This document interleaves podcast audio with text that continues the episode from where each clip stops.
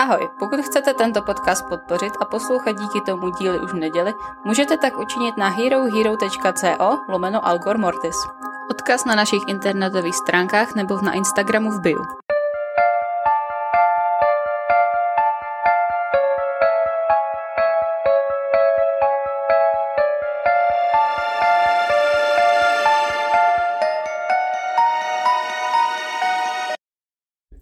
Ahoj, vítejte u 97. Něco na ten způsob. dílu podcastu Algor Mortis hostují Anet. a Natálie. Na úvod chceme tedy poděkovat za podporu všem našim posluchačům na Hero. Hero, fakt nám strašně moc pomáháte a přišlo už několik dotazů, jakoby jak nám můžete pomoct nebo jak nás můžete podpořit, když to prostě nejde finančně.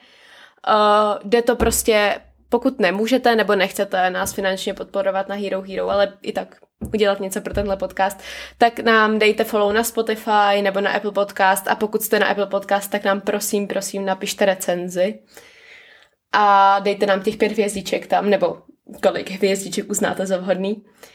A můžete nás třeba sdílet na sociálních sítích nebo tak, protože to fakt strašně moc pomáhá. A ještě dále hrozně moc děkujeme za všechny odpovědi na Google dotazníku, který máme stále v Linktree. Jak jsem řekla, už nás postupně jako budou čekat některé ty díly, které jste si psali. A konečně už jsme se domluvili na stém dílu. Co bude stej díl? Bude to jízda. Spolupracujeme na extrémně velkým případu, který všichni znáte, takže můžete typovat do komentářů, co to bude. Vlastně to potom asi odtajníme na Hero Hero relativně brzo, že jo? To je zatím asi všechno takhle na úvod. Já doufám, že nahrávám. Vypadá to, že ano. A nyní se podíváme teda na případ.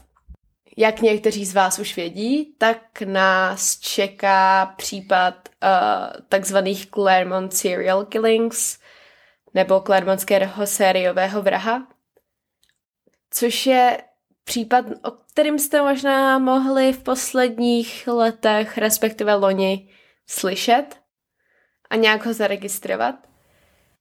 Je to tady případ z Austrálie. Možná jste ho zaregistrovali, že se tam jako něco změnilo, že už se konečně přišlo na to, o co jde a že je nějakým způsobem vyřešený, anebo taky ne a já se potřebuju venku dotknout nějaký trávy a přestat číst true crime rubriky.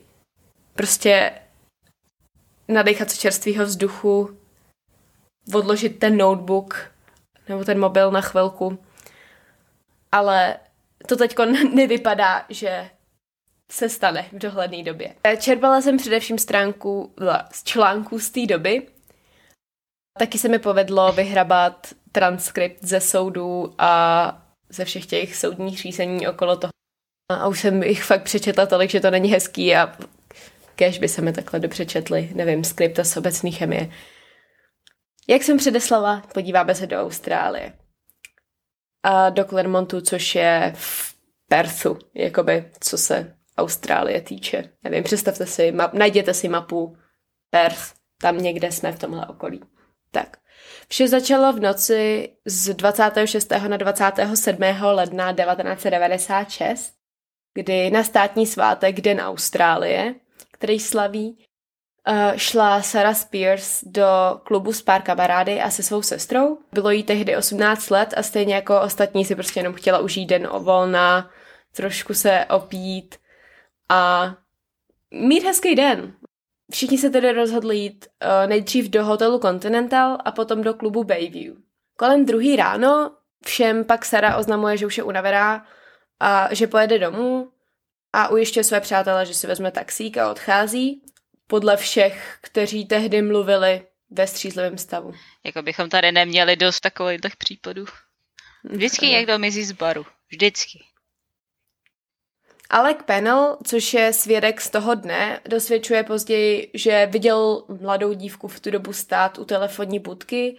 Podle záznamu z té budky si opravdu objednala taxi Prý tehdy stála s rukama kří, skříženýma na hrudi a rozlíšela se kolem sebe, jako by na někoho čekala. což prostě bylo asi na ten taxík. On jí měl odvízt buď k ní domů, anebo k její kamarádce, u který měla přespat, aby neplatila tak jako vysokou cenu za odvoz, protože ona bydlela jako výrazně dál, takže měla údajně jako přespat u nějaký svojí kamarádky možná, která tu noc jako se učila či co a měla čas a prostě jí to nabídla. Když tedy objednaný řidič od Swan Taxis Jaroslav Krupnik přijíždí, tak už byla pryč. Projel tedy tam a zpátky a jelikož věděl, že se jako jedná o mladou dívku, tak se mu to jako nelíbilo, ale když ji nezahlédl, tak nabral jiný zákazníky a odváží je do Mosmanského parku a prej potom znova jako jede před ten bar ještě jednou se jako ujistit, jestli tam třeba náhodou není, nebo jestli prostě nešla do toho baru a zpátky, ale nikoho nepotká, takže později to neřeší. Jeho teorie v tu chvíli, že si prostě nechtělo se jí čekat, odmávla vlastně nějaký jiný taxi, který zrovna jako projíždělo, že jo. Přece jenom státní svátek, tak ty uh, taxikáři jako očekávají, že u těch hotelů budou, nebo u těch barů budou lidi chtít taxík. Policie tedy později získává video ze CCTV, na kterém je vidět dívka Styling Highway, jako volá z budky, což je jako ta hlavní ulice u toho baru. A následně tedy přichází silnici a mizí jakoby ze záběru té CCTV. A je to vlastně poslední obraz Sara, který kdy kdokoliv spatří. Okamžitě se tedy rozjíždí pátrání ale policie nemá žádný stopy ani důkazy a nemají žádné podezřelé ani informace o tom, kde by Sarah mohla být. Takže oni jako vlastně, myslím, že den nebo dva dny na to, když nepřijde do školy nebo někam, kam má dojít, tak policii říkají, že, nebo ji nahlašují jako nezvěstnou, okamžitě se jí začínají hledat, ale nemůžou ji najít. O pět měsíců později, 9. června 1996, navštěvuje Jane Rimmer nejdříve klub Bayview a poté hotel Continental se svými přáteli. Je to 23-letá sociální pracovnice, eh, která se specializuje na sociální práci s dětmi a je naposledy viděna na bezpečnostní kameře poblíž pouliční lampy. Jednalo se o jednu z takových těch kamer, která se otáčí jakoby tam a zpátky a vždycky to trvá asi 30 vteřin jakoby ten jeden záběr. A, a v jednu chvíli k ní přichází doteď neidentifikovaný muž, chvilku spolu pravděpodobně mluví a on potom odchází. Kamera se tady otáčí tam a zase zpátky asi čtyřikrát. A při tom jednom otočení vlastně dívka vždycky jako není vidět, pak se je. A ve chvíli, kdy se ta kamera otočí zase zpátky, tak během několika vteřin ona prostě zmizí, že ji vidíš a za 30 vteřin, když se otočí kamera zpátky, tak už tam nestojí. Následující neděli, což je pár dní na to, se Jane nedostavuje na grilování u jedné ze svých kamarádek, která okamžitě začíná řešit, kde je a kde ji kdo naposledy viděl a později je tedy uh, prohlášena za pohřešovanou a v tu, nebo nahlášena jako pohřešovaná. V tu chvíli se začínají všichni obávat toho nejhoršího, protože dvě dívky podobného věku, které zmizely z víceméně stejného místa a ve stejnou nebo podobnou dobu, přece nebudou úplně náhoda. A tahle část Clermontu nikdy nepatřila mezi nějaký nebezpečný části Austrálie. Většina těch ulic byla už v té době relativně jako osvětlená, byly tam všechny ty možné kamery, a nikdy se tam nic jako vyloženě děsivého nestalo. A fakt se jako jedná o, když si to jako najdete na mapách, tak prostě je to takový, říkám, Continental i ten Bayview jsou relativně jako dobrý místa, bych tak řekla, že jako jsou to jako hezký kluby, hezký bary. A není to jako pajzl typu, uh, nevím, nádražka v Praze. Prostě, že je to že jsou to jako pěkný bary. Jsou to jako hlavní ulice, jsou tam jako většinou tam prostě jsou lidi, není to nic úplně odlehlýho. Policie se teda okamžitě dává do pátrání, ani po Jane však nejsou žádný stopy, nikdo neví, kam zmizela a co se přesně stalo, dokud není o 55 dní později 3. srpna nalezena asi 40 kilometrů daleko ve Volardu její tělo. Právě nález jejího těla odstartuje neskutečnou snahu policistů a vlastně i veřejnosti zjistit, co se stalo a kdo za vraždou nebo nejspíše dvěma vraždami stojí. Protože v tu chvíli se policie začíná bát a vlastně celý Perth se začíná bát, že se jedná o sériovýho únosce vraha. 14. března 1997 jde kolem 6. večer Kiara anebo Sierra, eh, je to z C. Já to čtu jako Sierra Glennon, na pracovní oslavu se svými kolegy z advokátní kanceláře St. George Terrace. Těsně po půlnoci 15. března 1997, takže jakoby noc ze 14. na 15. což je tedy asi 7 měsíců po nalezení těla Jane, je tedy Sierra viděna naposledy, jak prochází kolem Bayview, směrem na Styling High. Muž na zastávce na ní tehdy volá, že je šílená, jestli se hodlá stopovat auto, ať raději počká na autobus nebo si zavolá taxi. Um, on tam v tu chvíli stojí se svými přáteli, Sierra ho ale jako odmávne neposlouchá jde dál. Podél silnice, když u ní zastavuje světlé auto. A muž z zastávky prý viděl, jak se chvilku baví s řidičem, pak se otočil směrem, odkud mu měl jako přijet bus, chvilku se jako bavil s těmi přáteli, co tam je. A potom se otáčí zpátky a když se po těch několika minutách znovu otočí, Sierra už je pryč a není úplně jistý, jestli to auto, to auto jako by v tu chvíli už je v dálce vidět, jestli do toho auta nastoupila a pokud ano, zda to bylo dobrovolně. Jestli se jako jednalo o nějaký blitz a, a, a tak třeba s chloroformem, nebo jestli se jednalo o to, že nastoupila dobrovolně. Ještě to vlastně odpoledne poté je Sierra nahlášena jako pohřešovaná. Policie v tu chvíli dělá všechno pro to, aby dívku nalezla. Jedná se třetí, o třetí zmizení a potažmo smrt a velice očividně to ukazuje na sériového vraha. 3. dubna 1997, 18 dní po zmizení, je Sireno tělo nalezeno v křoví na Pipidy Road, což je asi 50 kilometrů od místa jejího zmizení. Jinak děkuju Austrálii za to, že jako všichni normální používají metrický systém. Dívám se na tvé USA. Vzhledem k tomu, že zmizely tři dívky v průběhu 14 měsíců uh, ze stejného místa, že jo, těch toho Hotel Continental a toho baru Bayview, tak policie vidí jasný pattern, jako jasný MO. A v tu chvíli už celá Austrálie dělá všechno pro to, aby dopadla vraha. Protože jako je to neskutečně děsivý, že jo. Ještě 3. dubna australská vláda vydává prohlášení, že za jakoukoliv informaci, která povede k dopadení vraha dívek, nabízí odměnu 250 tisíc dolarů. A v následujících letech je vyslechnuto přes 3 tisíce lidí. Celý vyšetřování má nyní v rukou speciální oddíl, který je vytvořen, takzvaný Task Force Marco. Proč máš vždycky tyhle ty task forceky tak debilní jména? Nevím. V průběhu celého toho případu policie odmítá vydávat téměř jakékoliv informace, za což je veřejností hodně kritizována, ale nakonec se ukáže, že to možná nebylo úplně špatně, nebo je to těžko říct. Prostě není to to, že by ta veřejnost neví vůbec nic, což je samozřejmě hrozně děsí. Holky se bojí chodit do barů, logicky. A všichni jsou jako ve střehu. Následujících několik let se nic neděje až do srpna 2008, kdy policie poprvé zveřejňuje video rozhovoru Jane s tím mužem, respektive ten záběr z té bezpečnostní kamery a ten je do dnešního dne neidentifikovaný. Všichni ostatní na videu z toho večera několika minut před, po, co se tam jako objevili v tu dobu identifikovaní byli. Doteďkon, jako doteď, rok 2021 se neví, kdo přesně to byl, jestli to byl vrah nebo jenom někdo náhodný. A vlastně příčina smrti je podle koronera jak u Sierry, tak u Jane nejistá. Obě ale měly na krku zranění, která byla neslučitelná se životem. Pravděpodobně šlo o jako podříznutí, no jakože přeříznutí krku. Později tomu napovídají i další důkazy. Moment, moment, moment. Tak oni měli podříznutý krk a oni nevědí příčinu smrti? Kostry.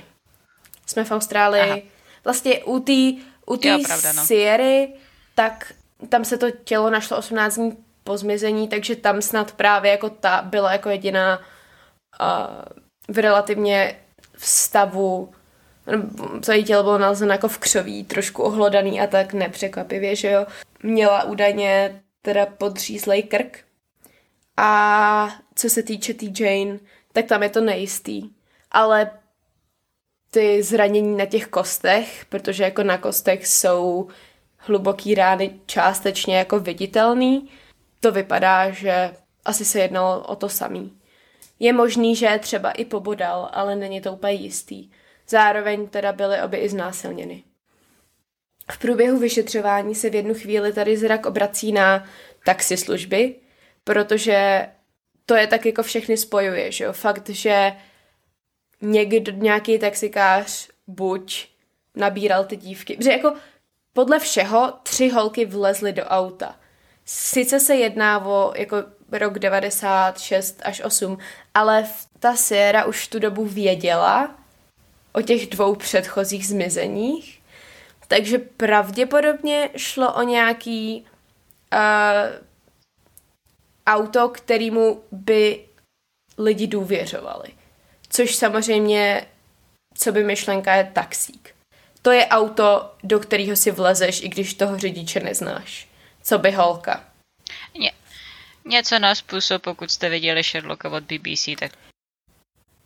Ono trvá asi několik měsíců, než jsou vlastně všichni ty řidiči taxislužeb, který jako mají registraci, vyloučeni na účasti na tom zločinu a následně jakoby hlavní teorie policie je, že v tu dobu patří to taxi někomu, kdo se za ně jenom vydává, takže jako nemá platnou registraci, ale třeba má buď jako nápis nebo vyloženě žlutý auto, těžko říct. Uh, ale rozhodně se nejedná tady o taxík, který by byl registrovaný. A nebo to možná nebude taxi vůbec, že jo? Ale ta první myšlenka v tu dobu byla, že je to taxi, později se ukazuje, a odch- eh, že to asi tak nebylo a trošku se jako odchází od té myšlenky. V následujících letech tedy policie prošetřuje všechny další scénáře a možnosti. Dodnes se jedná o největší a nejdražší vyšetřování v historii Perthu. Ani po zveřejnění videa v roce 2008 však nepřichází žádný svědek, který by věděl něco víc a policie stále nemá žádného podezřelého. To vše se změní až v říjnu 2015, kdy konečně získávají schodu DNA vraha se vzorkem v databázi. Jedná se o nevyřešený případ znásilnění z roku 1988. Respektive uh, napadení, ne, případ napadení z roku 1988. 14. února byla policie přivolána do domu na předměstí Huntingdale, kde byla v posteli napademná 18-letá dívka. Vypověděla, že se probudila, protože na ní seděl nějaký muž a ruce jí tiskl na ústa. Začala se bránit, škrábla ho do obličeje a vlastně ten muž se v tu chvíli jako pouští nebo v tu chvíli pouští a odskakuje a když se otočila, stál ve dveřích jejího pokoje v něčem, co připomínalo dámskou noční košili Eh, kterou vlastně jako on to schazuje a nakonec se ukazuje, že se jedná o bílý kimono, eh, na kterém je mužské DNA, je tam semeno. A to vlastně ten muž nechává při útěku na místě. A tím křikem se jí povedlo přivolat otce, takže ten muž utíká baráku ven. Ono kimono zavádí policisty uh, díky policejním psů až do domu Edwardsů, kde byl nalezený pásek z kimona. Jedná se o dům manželského páru, velice mladýho, a ti tehdy vysvětlují, že vlastně když věšeli prádlo, tak to kimono zmizelo. Policie v tu dobu tedy nějakým způsobem tomu páru věří, asi jako neměli důvod úplně nevěřit jim. A nakonec tady případ není dořešený, jak jsem předeslala. A při dalším pátrání je toto DNA z toho útoku spojeno s ještě jedním případem. Unešením 17-leté dívky z Karakata z roku 1995. Dívka byla tedy unesena ze svého domu na hřbitov a znásilněna, kde ji potom pachatel zanechal. E, přežila však. Pachatel nebyl nikdy dopaden. A policie v tu chvíli už se ale má konečně čeho chytit a spolu s dalšími důkazy, které následně odhalují veřejnosti až při soudu, zjišťují, že pachatel nejspíš pracoval pro telekomunikační společnost Telstra a netrvá dlouho a policie stále ještě neznámého pachatele spojuje s dalším trestným činem, tentokrát s útokem jehož pachatel dopaden byl. 7. května 1990 v průběhu své směny napadl Bradley Robert Edwards, jednu z pracovnic hollywoodské policie, eh, nemocnice, ze zadu. Přikryl jí ústa a pokusil se jí odtáhnout na záchody. Ženě se však podařilo utéct a zavolat si pomoc. A Edwards je tehdy dopaden, odsouzen podmínce a musí projít léčbou pro sexuální delikventy nebo jakoby psychiatrickou léčbou sezeními. 22. prosince 2016, 20 let po zmizení Sary, policie zatýká Bradleyho Edwardse v jeho domu v Qdale, kde je obviněn za napadení dívky v Huntingdale, únosu v Karakata a vražd Jane a Sierry. Policie v tu dobu nemá důkazy, které by dostatečně spojovaly Edwardse se zmizením a nejs jako pravděpodobnou vraždou Sáry.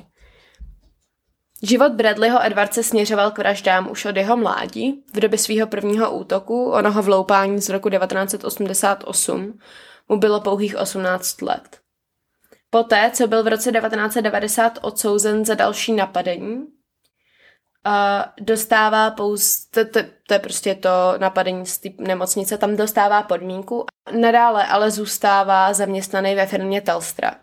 I přes fakt, že k napadení došlo v době jeho pracovní doby. Nebo v tu chvíli pracovní doby. Co se týče oné léčby, kterou měl podstupovat, nenašla jsem jasný informace o tom, zda ji dokončil nebo zda ji opravdu podstoupil, ani žádný posudky psychiatrů ohledně toho, zda hrozilo, že se jeho chování bude opakovat, nedej bože eskalovat. Podle všeho ale v roce 1995, kdy unese a znásilní 17-letou dívku v Karakatas útoky přestává. Té době se totiž ožení a začíná vést na oko normální život, což se ale změní v lednu 1996, kdy se dozvídá, že ho manželka podvádí, přitom, kdy mu oznamuje, že ho opouští, což se taky následně stane a ona se odstěhuje. A právě v lednu dojde ke zmizení Sáry. V květnu 1996 pak zjišťuje Edward, že je jeho žena těhotná s mužem, pro kterého ho pustí. A na začátku června Edwards unese a zavraždí Jane Rimmer. S místem ho kromě DNA spojuje také nůž, který je nalezený uh, poblíž těla a jedná se o reklamní předmět firmy Telstra. Zároveň je několik uh, svědků, kteří viděli vůz Telstra, dodávku pohybovat se v místech, jak zmizení uh, dívek, tak pozdě, potom uh, na místě, kde bylo nalezeno tělo. V průběhu následujících měsíců si Edwards údajně nachází další vztah, který ale dlouho netrvá a v měsících mezi únosy dívek uh, je několikrát spatřena dodávka Telstra, jak jezdí po okolí klubu a zastavuje ženám, podle všeho jim nabízí odvoz. A dvě, sled, dvě dle svědků prý skutečně ženy odvezl na místo, o jaké si požádali, ale spousta z nich si ve finále řekla, aby je jako nechal někde jinde, aby jako mohla vystoupit někde jinde, protože byl divnej, prej. V březnu 1997 pak unáší uh, Sierra Glennon, i tu znásilňuje a zavraždí, Měl být v tu dobu u kamaráda, přišel ale o několik hodin později s tím, že se snažil promluvit se svou ženou a pokusit se zachránit jejich vztah. Podle všeho se jedná o lež, ačkoliv je možné, že se jí pokusil kontaktovat. Ona ho ignorovala, což následně vedlo ke vzteku a činu oh, no, únosu té Sierry.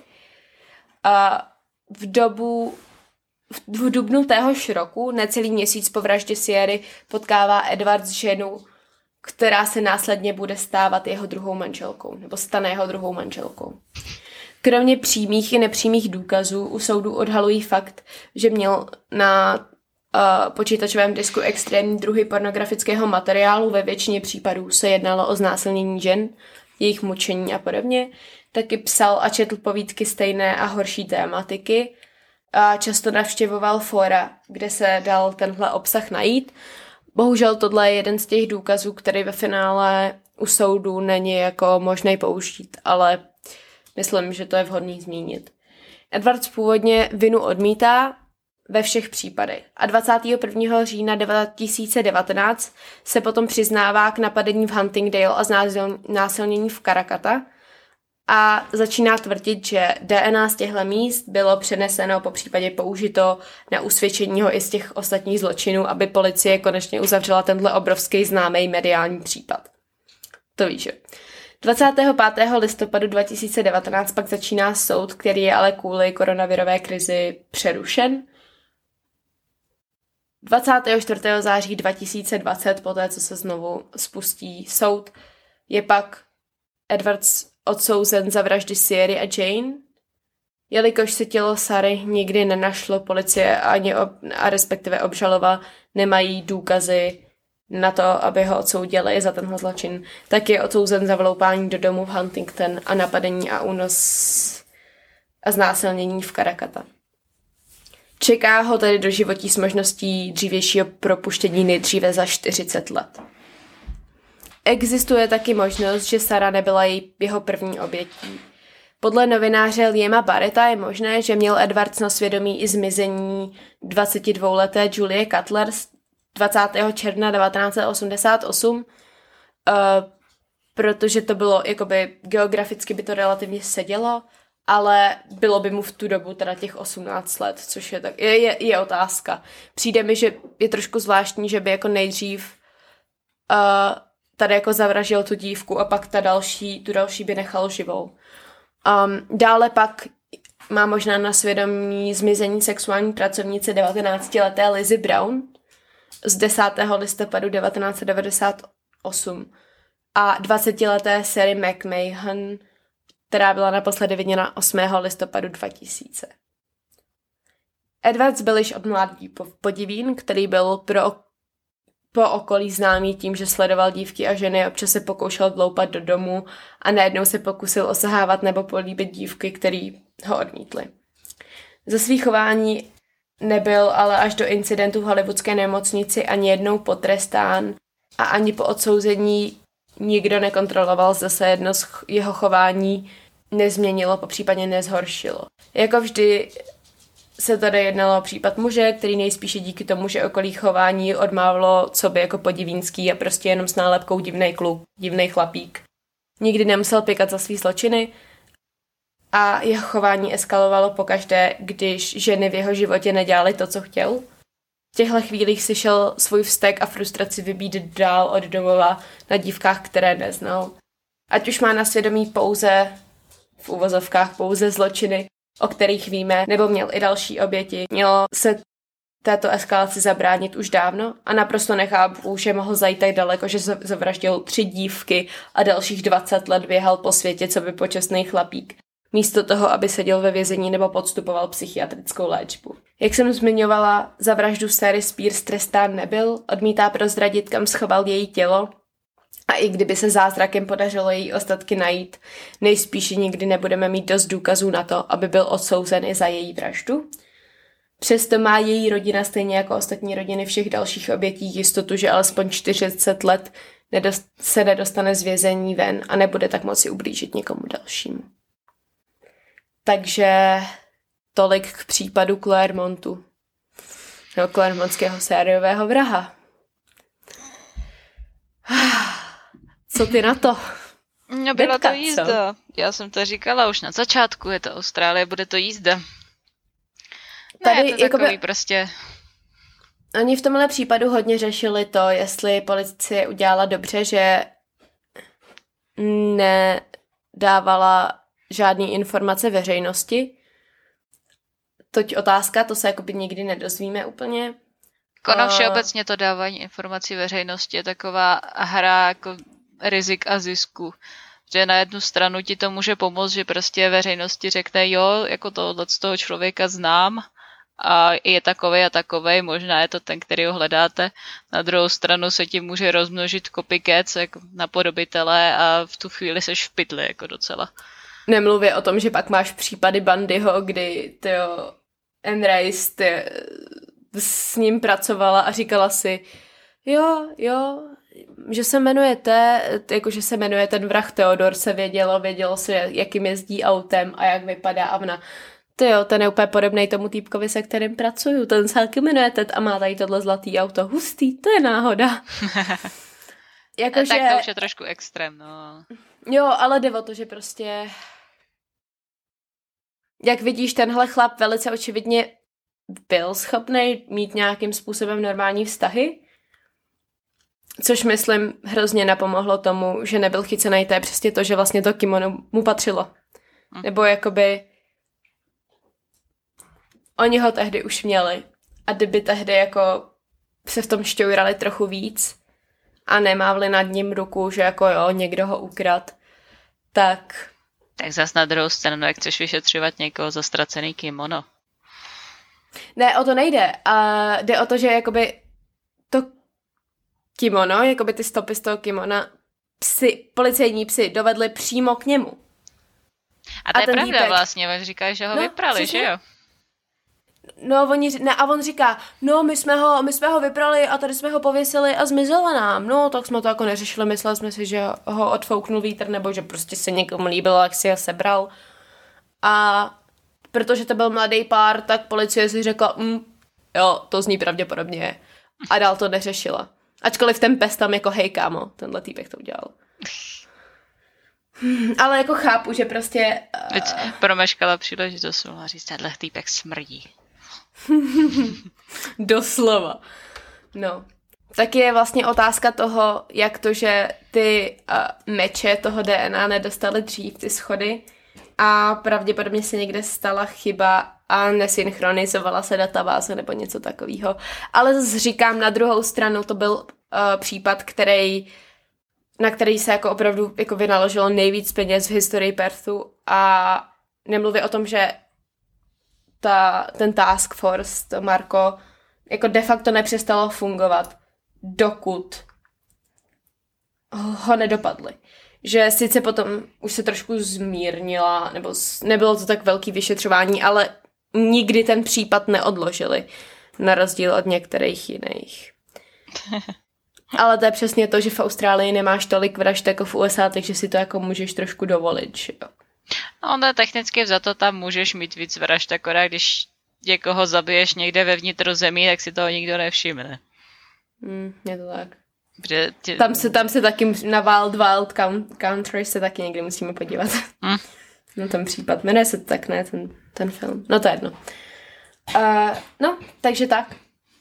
Já jsem se hlavně divila, že se mi povedlo jako vyhrabat ty přepisy z toho řízení mm. soudního, protože v Austrálii to většinou tak snadný nebejvá. Ale jako říkám, byl to jako extrémně známý případ a oni to mají takový ten trial of the century, takže mm. uh, soud století. Tak jako byla třeba Casey Anthony nebo O.J. Simpson v Americe. Tak tohle bylo opravdu neskutečně medializovaný případ z dost logických důvodů. No, takže jako tak? v podstatě, když nad tím tak člověk přemýšlí, tak Austrálie je úplně ideální místo na toho někoho zabít. Promiň, většina lidí nad tím nepřemýšlí. No dobře, ale tak jako, víš, když si to vezmeš, tak jako vem si, že ty prostě někdo tě stopne, ty tam můžeš být jako vrah stopařů, úplně v klidu, protože prostě velký vzdálenosti, Teď toho človíčka zamkneš, odvezeš ho někam do vnitrozemí, tam ho kuchneš a necháš ho vohlodat nějakýma divokýma zvířatama a pak to bude, vy... když to uděláš správně, tak to bude vypadat, že ho napadla divoká zvěř. A ty seš úplně v pohodě. Jako jo, no, ale to je jako velice specifický typ člověka, co tohle chce dělat. Jako hmm. přece jenom většina vražd. Ale jo, tak jasně, no jako má co by motiv něco jiného než vraždu, že jo? Většinou je to... A jo, však jo. To. Ať už je to žádlivost, nebo peníze ideálně, nebo obojí. A jo, to já Oblíbený beru. případ. To já beru, Jasný. to je v pohodě. Ale, tak ale ano, kdyby, teoreticky, kdyby si chtěla, nechtěla dělat nic jiného, než prostě jenom náhodně zabíjet náhodný lidi, tak ano. Byl, jsou místa, kde je to výrazně jednodušší než uh, nevím, jinde. Jako tady u Ale nás zrovna... by se to dělalo blbě. Hmm. Zase ta naše policie taky není úplně... No to je jedno. jak říkám, ono prostě ta kriminalistika ještě stále není dokonalá. Hlavně prostě problém Říkáš člověku, co ji studuje momentálně, jo?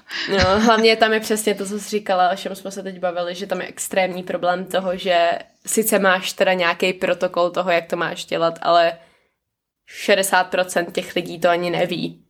Nebo to tak prostě nedělá. Hmm. To jenom kdybyste nevěděli, tak já jsem trošku nedobrovolně změnila školu a teď studuju kriminalistiku, kriminologii a zatím jako z těch dvou přednášek, na kterých jsem byla na té kriminalistice, tak v podstatě jediný, co jsme se dozvěděli, tak co nedělat, aby nás nechytli. Což už všechno věděla. Což už všechno vím tady za dva roky dělání podcastu. Bys tam mohla jít učit. No, každopádně, světlo na konci tunelu.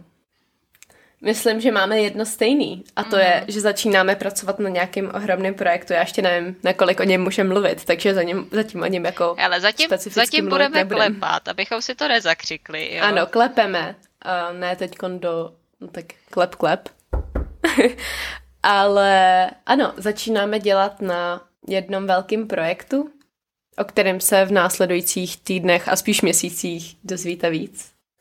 Ale máme z toho neskutečnou radost a vy se máte na co těšit. Mm-hmm. Jsme jak typický youtubeři. jo, přesně tak. A nemůžu být specifický, ale něco se děje. Přesně, děje se přesně. to teď. A vy se dozvíte, co se děje, až vám to řeknu. um, takže tak, ještě jednou děkujeme všem našim posluchačům, sdílejte nás, povídejte si o nás, samozřejmě asi ne s náhodnýma lidma na záchodech, ale Hele, jakože... Ne, počkej, Ale počkej, dokážeš si to představit, že ty prostě sedíš na nějakých veřejných záchodech a teďka... No teď jsem se k tomu chtěla dostat, kamo, že jsem kamo, přesně... kamo, slyšel jsi o tom podcastu Algor Mortis? Přesně, přesně takhle jsem seděla na záchodech. A dvě holky si zrovna povídaly o nějaký, jakože, no já jsem četla tady o téhle vraždě, no já jsem četla tady o téhle vraždě a já tam tak jako, oh, nic neříkej, mám něco říct. Nic neříkej, nic neříkej, bude to divný, bude to divný. Mm-hmm. Já přesně, no. To bylo jako na jedné přednášce, kdy uh, tam začal jakoby týpeček, nebo ten náš profesor mluvit o jednom případu, a on není profesor, dobře, tak jeden ten docent začal mluvit o jednom tom případu, nebo možná doktor, to je jedno. Uh, díky vlastně, kdy se použila mykologie na vyřešení tady tohohle případu. A on tam jako něco, něco řekl a já úplně v té hlavě, ne, vlastně takhle to přesně nebylo, ono se to stalo trošičku jinak, ale jako teoreticky, teoreticky, jo. Uh, takže nakonec jsem se teda rozhodla neopravit svého uh, garanta mykologie ohledně náhodný vraždy v Anglii, protože jsem si řekla, že by to jako nemuselo být úplně Třeba bys za... dobře vypadající. Třeba bys za to dostal Borusovi body do zápočtu. Já myslím, že ne. zkoušky, nebo co máte? Hele, jakoby zkoušku, ale hlavně zatím, jako, zatím jsem se uh, na tom semináři vždycky ukázala tím, že se na něco zeptám a on, výborná otázka, vědci netuší. prostě jako, jak, jak to, že tahle bakterie, teda, jak to, že tenhle, ta, uh, tenhle ten, tohle jako houba se dokáže dostat po té po tý vodě jako nahoru. Jak to dělá? Výborná otázka, vědci netuší. Mhm. A jak to, že teda tato houba má víc, jako jedinec víc druhů DNA, to je prostě jako nemyslitelný, prostě má různý genotypy. Jak, jak to jako ukočíruje, aby nebyly nějakým způsobem protichůtný. Výborná otázka. Vědci netuší. jo, Nejle- nejlepší odpověď na všechno tohle. Houby jsou divný. Houby jsou úplně... Přesně tohle byl jeden z těch případů, na který se hrozně těším, o tom vám povím. Ale prostě houby rozbíjí úplně všechny věci, které ve vědě, jako veškerý vědecký biologický dogmata, který máte, tak jako houby rozbijou. Aspoň, existuje přejí aspoň jeden druh houby, který je jakoby na... ne, to víš, jo. jeden druh DNA, mm, ne díky. a, a tak. Takže evoluce, ne díky. Důvod pro to mít některé věci, ne díky. Dělat to jednoduše. Ne, díky. Fakt hrozný. To člověk se to pak má učit, vej. Mm. Eh, každopádně asi zase si povídáme 100 let úplně o ničem. Tímhle bych se teda s vámi rozloučila, ty asi taky. ano, ano. Jako můžeš si tady ještě povídat do prázdna, že jo? A uslyšíme se příští týden a pak vlastně u helovínského dílu uvidíme, co vyjde dřív, co vyjde později. Je možný, že nejdřív vyjde nějaký jakoby náš bonus místo jako normálního dílu, protože toho teď máme opravdu hodně, tak abyste měli určitě nějaký obsah a my měli aspoň nějakou pauzu.